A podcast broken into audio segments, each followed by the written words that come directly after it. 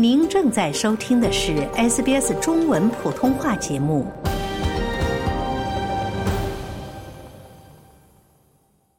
听众朋友们，下午好，我是 SBS 中文记者浩斐。本期 SBS 新闻快报带您快速了解一则政府承诺通勤者不会负担额外 OPPO 票价上涨的新闻。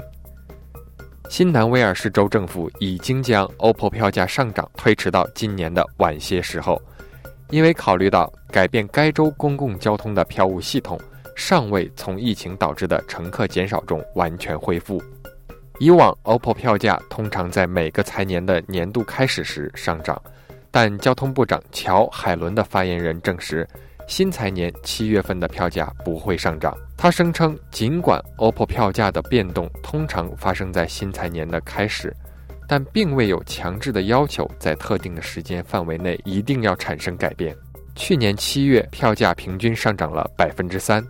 而在二零二一年，票价与当时的通货膨胀率挂钩，涨幅为百分之一点五。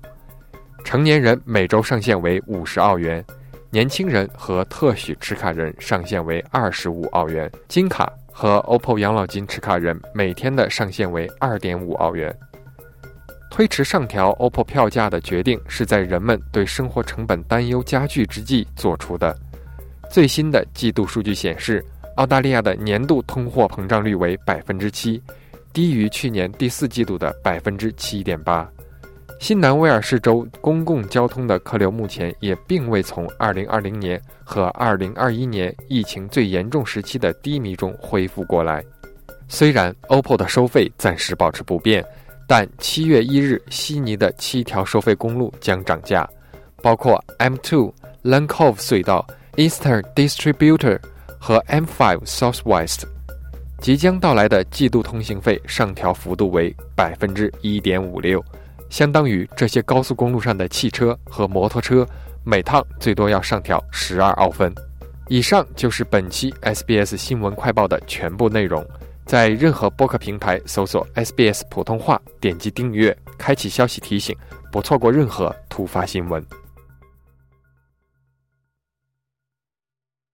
想在 SBS 当一回影评人吗？SBS On Demand 正在推送配有中文字幕的热门影视作品，您只需观看一部或以上影视作品，并把影评观后感发给我们，就有机会赢得一份 SBS 精美礼品。